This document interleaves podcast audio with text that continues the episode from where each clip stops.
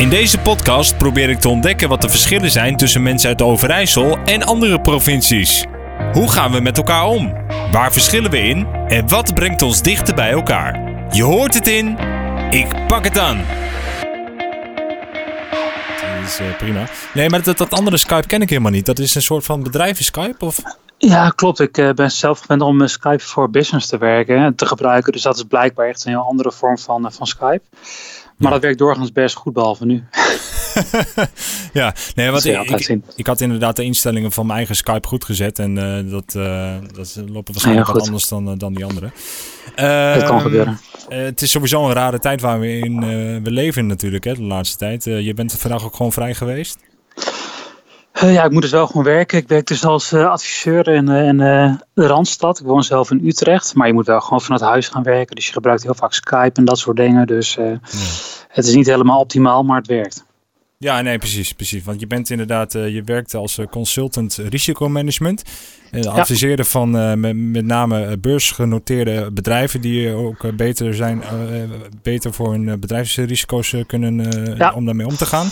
Corona dus, zou er eigenlijk ook onder moeten vallen, maar dat is toch moeilijk om dat te voor, voorspellen, denk ik. Want dat, ja, je voorkomt het niet en het loopt dan zo. Maar het heeft wel natuurlijk een enorme impact op al die bedrijven. Hmm. Dus dat is uh, complex genoeg. Ja, dat zal best. Ja. Want uh, ik, ik, kan me zo voorstellen dat het sowieso uh, niemand weet welke koers we varen natuurlijk. Dat weet je ook niet zeker. dit is gewoon iets dat, dat gebeurt. En ik bedoel, ik had zelf eigenlijk een vakantie geboekt met mijn broer bijvoorbeeld een half jaar geleden naar Japan toe. Ik had nooit verwacht rond oktober, november vorig jaar dat dit nu het geval zou zijn. Nee. En uh, je weet wel dat er een ziekte kan komen of een ontwikkeling ergens anders in de wereld. Maar ja, volgens mij, ik hoorde laatst van de Olympische Spelen, die zijn nog nooit eerder verplaatst. Die zijn wel gecanceld met de Eerste en de Tweede Wereldoorlog.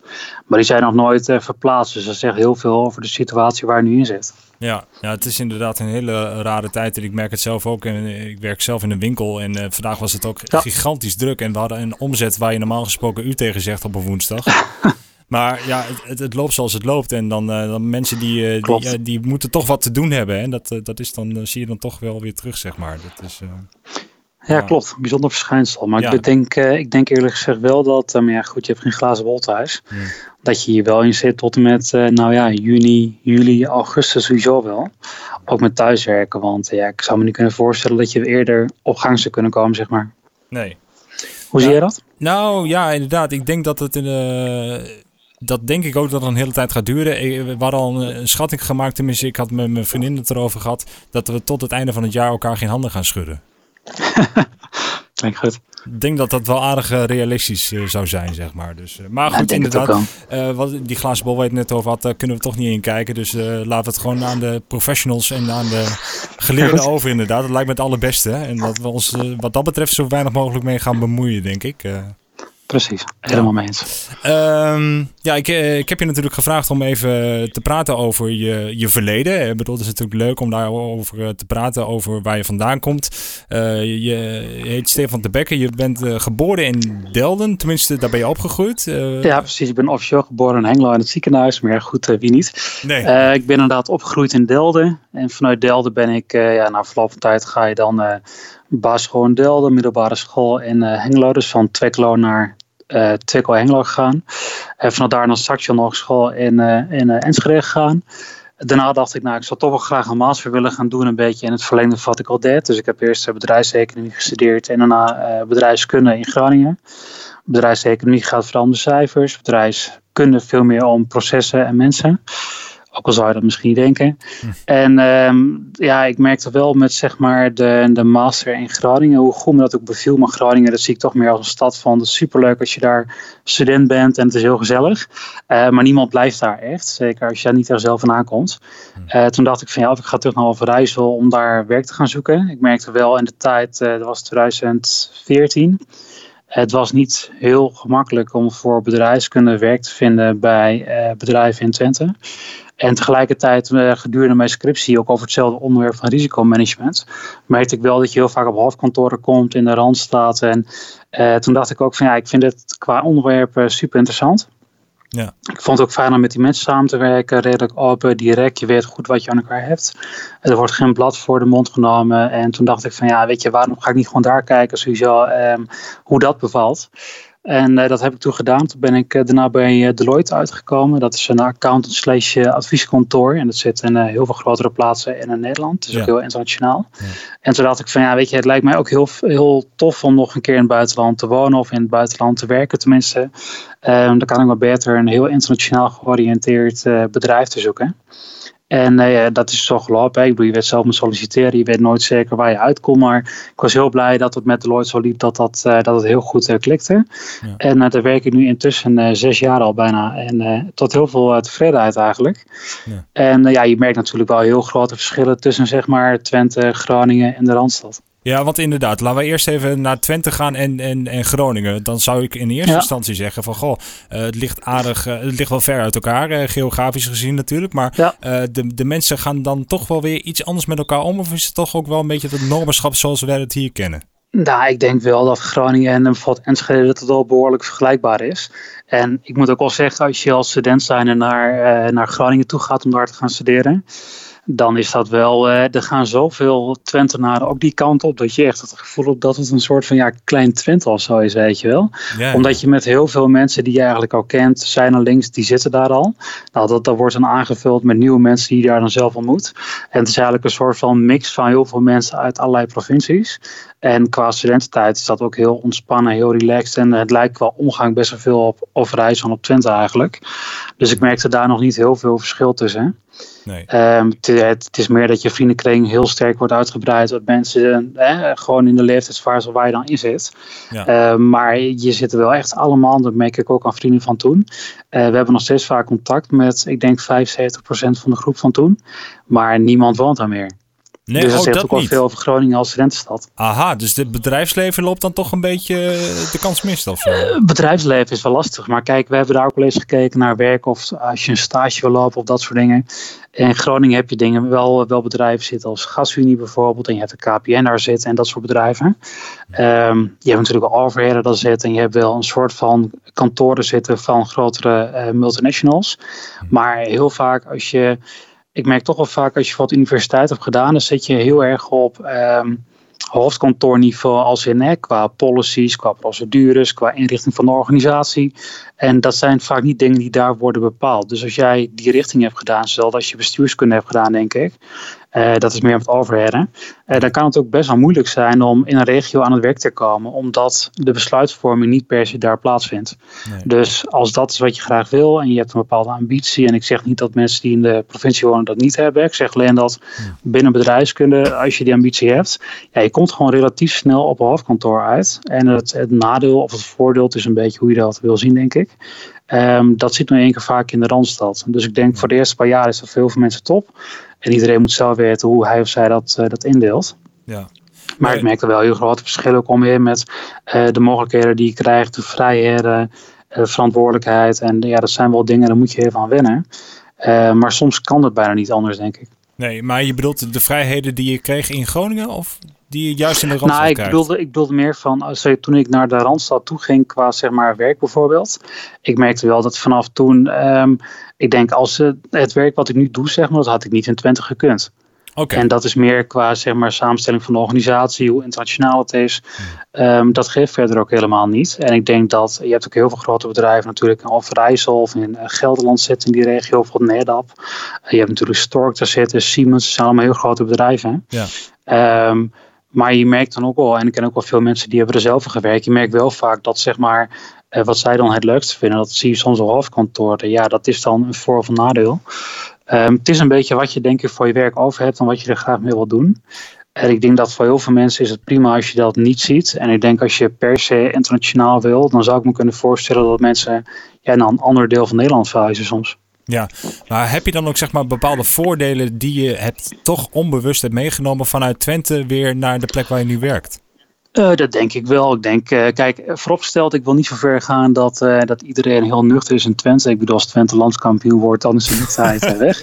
ja, Toch? Ja, ja. Laten we daar gewoon heel, heel nuchter over zijn. Maar um, ik vind wel dat, dat wij relatief nuchter zijn vergeleken met de rest van Nederland. En met name ten opzichte van de gemiddelde personen in Amsterdam, Utrecht. Uh, Rotterdam, noem maar op. Ik bedoel, je hebt daar ook heel veel nuchtere mensen en ook wel mensen die zijn ook wel gewoon uh, uh, normaal en heel vriendelijk. Maar ik merk wel dat zeker de gemiddelde persoon wie ik samenwerk die uit Amsterdam komt en zeker de mensen die daar naartoe zijn verhuisd, zeker de eerste paar jaren als we nog een beetje een houding willen aannemen, ja. um, dan, dan is dat weinig nuchter. En ik denk wel dat dat je heel erg helpt. Bijvoorbeeld, ik schiet niet zo heel snel in paniek. Um, het heeft me ook heel vaak geholpen bij internationale opdrachten dat als een keer dingen misgaan of hè, je hebt een keer moeilijkheden.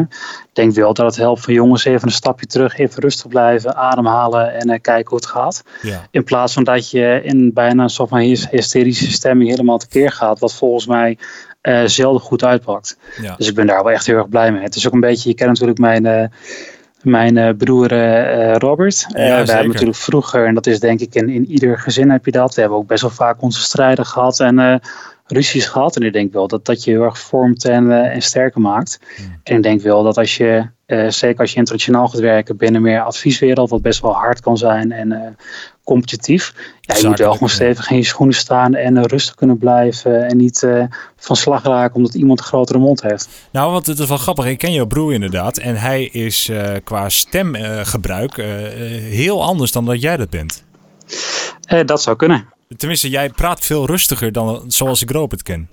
Echt? Oké. Nou, dat is nee, nee, maar goed, dat, grappig dat, dat, kan natuurlijk ook in je voordeel werken. Dat, dat bedoel ik ermee, inderdaad. Ja. Nee, precies. Nee, maar zo heb je natuurlijk allemaal verschillen. Maar ik denk wel dat uh, als je kijkt naar het hele totaalpakket, en dat zal per persoon verschillen en per gezin natuurlijk, want uh, ja, iedere combinatie is anders. Ik denk wel dat, uh, dat zeg maar de, de nuchterheid die je een beetje meekrijgt en een beetje stabiliteit. Ik, ik wil niet zeggen dat doen we normaal, dan doe je al gek genoeg. Want ik vind ook wel, hè, als je kijkt van wat zou er anders kunnen ik merk wel dat als je um, hoe vrijder naar je werk wordt gekeken, bijvoorbeeld met waar ik nu werk, en de meeste mensen hoe ambitieuzer zijn, dat het ook heel normaal wordt gevonden om je ambitie uit te spreken. En als je naar het buitenland wil, of je wil, je wil bepaalde studies gaan doen, of je wil bepaalde opdrachten, je moet wel een beetje opkomen voor jezelf en bravoer tonen. Ja, dat en is ik, ik vind niet dat het per se wordt gestimuleerd in Twente gemiddeld. Nee, precies. Nee, dat is inderdaad van doe maar normaal, dat doe je al gek genoeg. Het, het, het lijkt een beetje op het Amerikaanse model in dat geval, denk ik, toch? Uh, dat denk ik wel. Kijk, het is natuurlijk ook gewoon een hele Amerikaanse organisatie. En ik denk dat New York schijnt nog veel erger te zijn. Uh, maar ik vind, er zit wel ergens een soort van charme, tenminste dat vind ik. En dat je een soort van zelfredzaamheid krijgt. En ik denk dat dat nu heel erg ontwikkeld wordt. Uh, en dat je een soort van straks, maar dat hoop ik dan, uh, ik weet niet of je het over jezelf kunt zeggen, maar ik hoop dat ik ooit op het punt kom dat je een soort van combinatie hebt van um, de mooie nuchterheid die ik wel heb meegekregen vanuit Twente, met een beetje de, de vechtopvoeding, weet je wel, met broers onderling. Ja. Uh, en dat je dat combineert met wel echt op leren komen van je, voor jezelf stevig in je schoenen staan, ook durven uit te spreken wat je graag wil. Ja. Maar ik denk wel dat die combinatie heel ver zou kunnen brengen. Ja, precies. En dat betekent dus eigenlijk ook dus dat je dat uiteindelijk in het buitenland wil gaan voortzetten. Onder andere, ja. Ik ben nu bezig met een uh, dus zeg maar voor een soort uitwisseling met uh, Canada. Voor uh, Toronto. Dat is, zou vanaf begin volgend jaar zijn. Hmm. Maar ik denk dat het, want dan begin je natuurlijk weer op nul, wel binnen dezelfde organisatie, maar je moet ook weer zelf je eigen weg vinden. Nou, hoe kom je er in de situatie dat mensen je leren kennen? Je moet ook een beetje proactief zijn en mondig durven zijn en uh, je durven uit te spreken. En ook gewoon niet bang te zijn om te laten zien dat je ook echt wel goed bent in dingen. Ja. En als ik dan dat vergelijk met hoe ik zelf eerst was, ook toen ik hè, 16, 17, 18 was.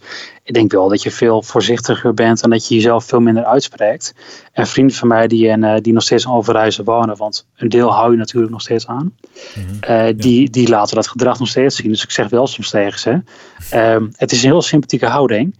Maar uh, dat brengt je niet altijd verder. Hoe uh, cru dat ook misschien mag zijn. Dat zeg je inderdaad mooi. Want ik heb het zelf ook een beetje gemerkt. Ik heb een aantal jaar in Hilversum gewerkt. Bij, bij de radio onder andere.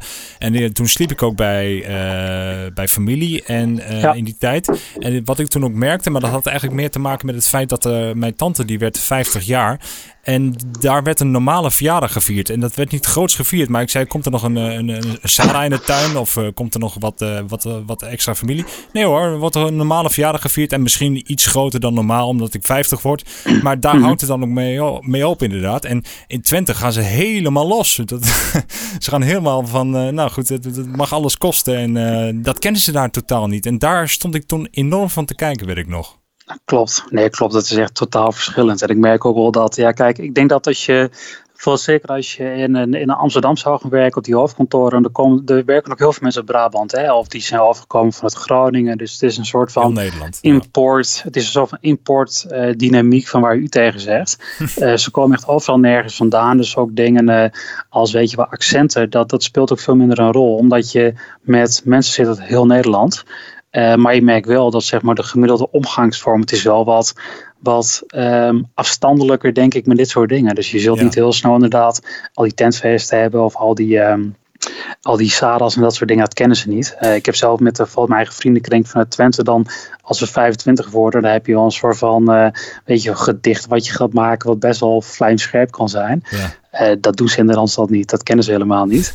En dat, uh, wat, wat wij heel grappig kunnen vinden, wat best wel hard kan zijn, dat uh, wordt ergens anders niet per se op prijs gesteld. Nee. Heb je, heb je soms dan bepaalde uitspraken die je doet, eh, die je vanuit Twente hebt meegenomen, dat ze, dat ze je aankijken van waar heb je het in godsnaam over? Uh, eerste jaar denk ik wel vaker, maar ik denk wel dat je dat redelijk uitgeramd krijgt. Gewoon ook omdat je natuurlijk uh, zeker omdat je vaak zakelijke gesprekken zet. En dus je vormt jezelf ook best wel. Ik wil niet zeggen dat je daarvoor schaamt, dat je dat bewust afstalt. Maar dat is gewoon iets wat automatisch gaat. Ik merk wel bijvoorbeeld mijn vriendin Nathalie, die, uh, die komt zelf uit de buurt van Utrecht. We wonen ook samen. Dus ik, ik merk wel dat zeg maar, zij kan er wel soms om lachen. Omdat je sommige um, uitspraken doet of sommige woorden gebruikt die zij niet per se logisch vindt of uh, zelf zou gebruiken. Dus dan word je er wel mee geconfronteerd dat het niet uh, per se uh, ABN is. Maar weet je wel, je begrijpt wel wat, je, wat de ander bedoelt. Ja. Maar het is wel grappig om dat soort dingen te, uh, ja, op te merken, zeg maar. Want je zult die verschillen altijd hebben. Ik heb het een keer gezegd dat ik inderdaad in de studio zei van... jongens, ik pak het aan. En toen zeiden ze, wat, wat, pak je aan? Ik zei, oh sorry, ik ga er vandoor. Ik zei, oh nee, ja, nee dat, dat, nee ik, toen dacht ik van, ik, ik praat best wel Nederlands. Ik dacht, nou, dat, dat gaat me ja, wel precies. goed af en dat, uh, dat, uh, hè, dat gaat me wel lukken. Dus ik dacht van, ik, ik gooide dat er even tussendoor, zonder daarbij na te denken natuurlijk. Maar de, toen zeiden ze van wat pak je aan? toen heb ik dat later inderdaad opgezocht. Dan blijkt het gewoon gigantisch Twents te zijn. Ja, klopt. dus dat, is, uh, dat vind ik dan wel grappig inderdaad. Ja. Nee, uh, klopt. Ja, dat is helemaal wat van dat soort kleine dingen. Maar weet je, ook als je kijkt naar gedragingen. Maar ik denk dat dat, dat heeft niet zo heel veel te maken met Twente, denk ik. Maar dat is mijn regio op zichzelf. Uh, is dat in iedere regio volgens mij, of bijna iedereen voor zover ik dat zelf weet, uh, zegt ze heel vaak gedag en hoi tegen wildvreemden. Ja.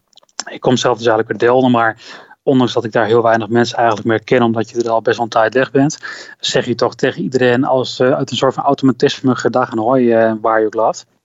Ja, dat, dat is daar heel normaal. Dat is, dat maar in is, Amsterdam heb je dat niet. Nee, dat klopt. Maar als je zeg maar in Enschede loopt, doe je dat ook niet zo snel, denk ik. ik bedoel, dan heb je ook zeg maar grote steden. Ik merk dat wel dat het volgens mij bij de kleinere dorpen en bij de, hè, bij de uh, Haaksbergen valt er denk ik ook wel onder. En, uh, maar uh, dat je dat dan daar nog wel doet. Maar ik zeg ook volgens mij als ik door, door het dorp loop niet tegen iedereen goeiedag.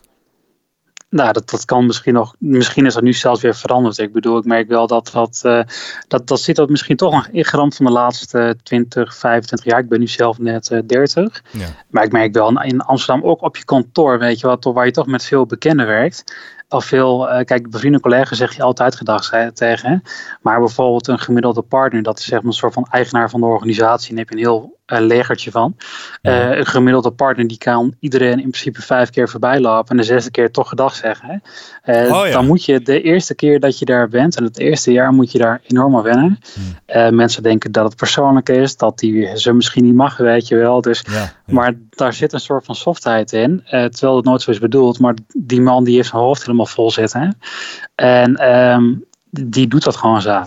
Dus daar waar je misschien heel veel waarde aan hecht als je dat bent gewend. Dus dat je uh, best wel uh, amicaal met elkaar omgaat en gemakkelijk groet en uh, vaak even tegen iemand zeg maar aanpraat. Dat, dat gebeurt daar veel minder. Ja. Ik merk wel dat als je meer in die kring zit en zeg maar je gaat vaker met elkaar om. Je hebt vaker langere tijd met elkaar samengewerkt. Dan is het ook heel vriendelijk, heel amicaal.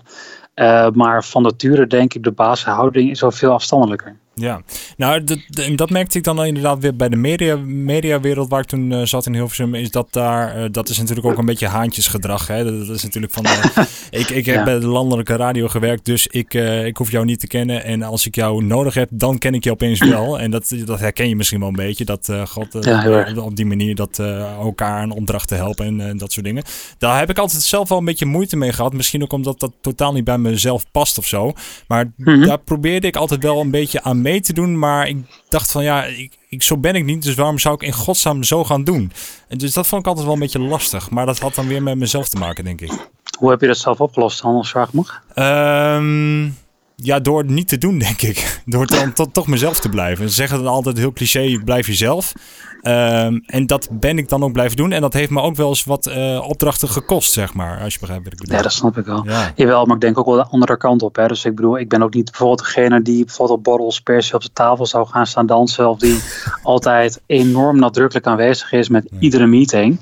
Uh, maar ik denk wel van als jij je punt moet maken omdat er bepaalde uh, dingen gaan die op jezelf betrekking hebben, hè, met bepaalde overleggen. Of uh, je weet ook een beetje hoe nu dat spelletje werkt. Dat, dat leer je na binnen een half jaar, binnen een jaar wel kwaad krijgen van grotere opdrachten. Of als je inderdaad internationale dingen wil. heel veel mensen willen dat. Je hebt maar een beperkt aantal plekken, dus je moet voor jezelf komen. Je leert wel dat als je maar onderscheidend bent en nuchterheid kan ook heel onderscheidend zijn. Ja bijvoorbeeld, ik zal nooit degene zijn die ook het meeste appt, weet je wel, in de, de groepsapps bijvoorbeeld. Ja, ik heb daar echt voorkomen lak aan eigenlijk. dat, dat maar als jij degene bent die structureel levert en die gewoon goed zijn werk doet, um, die ook echt vertrouwen heeft bij heel veel mensen, uh, dan kom je, ondanks dat het misschien wat langer duurt vergeleken met mensen die wel dat hele nadrukkelijke gedrag hebben, uiteindelijk kom je op dezelfde positie en streep je die mensen voorbij, omdat ze ook zien dat je inhoudelijk heel goed mee kunt. En ook qua persoonlijkheid gewoon stabiel bent. Ja, maar wat je maar dat zegt met. Het met, misschien tijd. Precies, maar wat je met, uh, met name zegt met dat uh, vertrouwen in elkaar hebben. Ik denk als je vertrouwen dan ook inderdaad kweekt bij die mensen, dan, dan, dan kom je er uiteindelijk misschien ook wel inderdaad. Uh, het kost alleen tijd. Precies, ja, en dat, dat geduld heeft natuurlijk niet iedereen. En dat is ook een beetje menselijk misschien natuurlijk. Um, ja, heb, je, heb, je, heb je wel eens last dat je Twentse tongval terugkomt? Uh, nou ja, misschien als je gedronken hebt. Gewoon heel eerlijk, ja toch?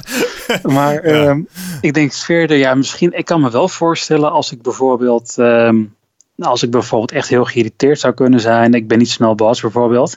Maar ik zou me kunnen voorstellen als je ongecontroleerder zou zijn, dat, dat eh, zou je dan bijvoorbeeld hebben. Of natuurlijk wanneer je gedronken hebt, of dat soort dingen, of wanneer je echt super moe bent.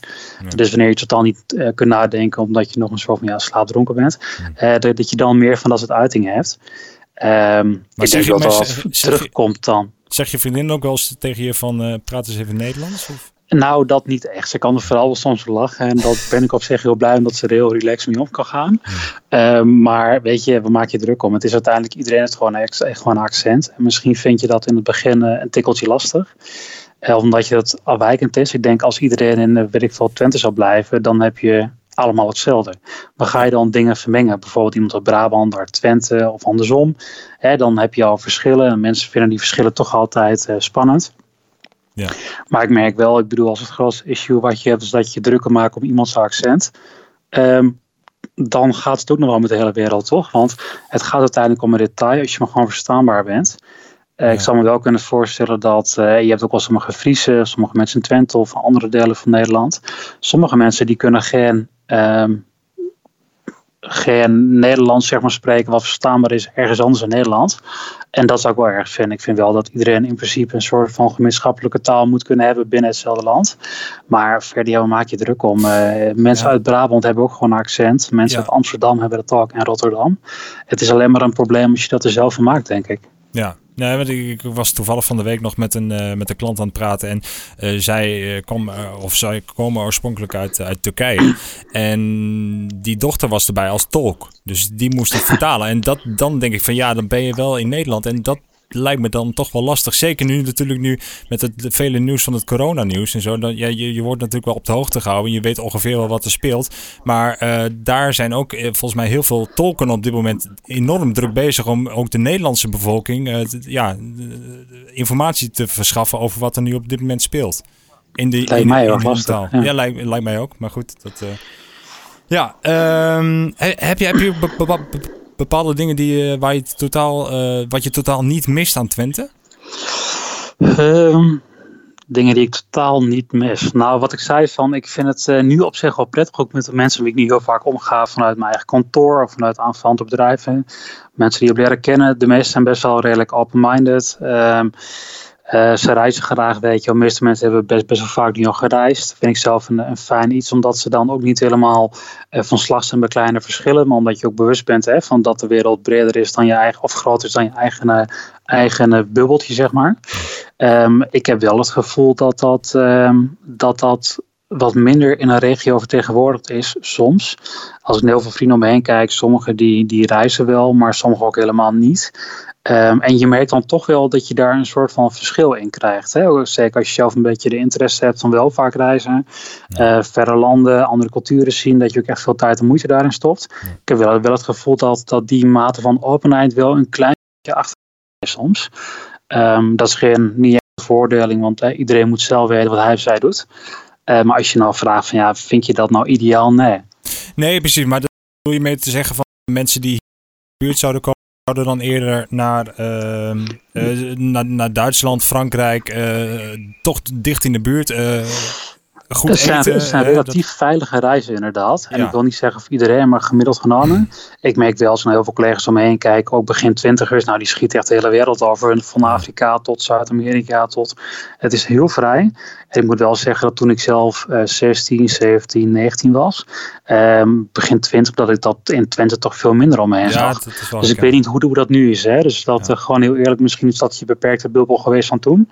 Maar ik heb wel het gevoel dat dat. Uh, je wordt ook een beetje besmet door de mensen met wie je omgaat natuurlijk. En als heel veel mensen uit je buurt dat minder hebben, Um, dan doe je dat zelf misschien ook minder snel. En ik denk als je in een omgeving komt waarbij het heel normaal is dat mensen alle kanten op schieten, uh, dan zou je misschien ook eerder hebben dat je zelf, dat had ik zelf tenminste heel erg, uh, dat je zelf ook veel uh, rustiger wordt met dat soort dingen. En dat je het ook veel normaler vindt om heel ver weg te gaan. Ja. tot het punt dat het je echt nul meer uitmaakt en dat je gewoon alles doet. Ik denk dat, dat, dat, dat, dat we dan toch een beetje weer terugkomen op het punt van doe maar normaal, dat doe je al gek genoeg. Ja, misschien wel.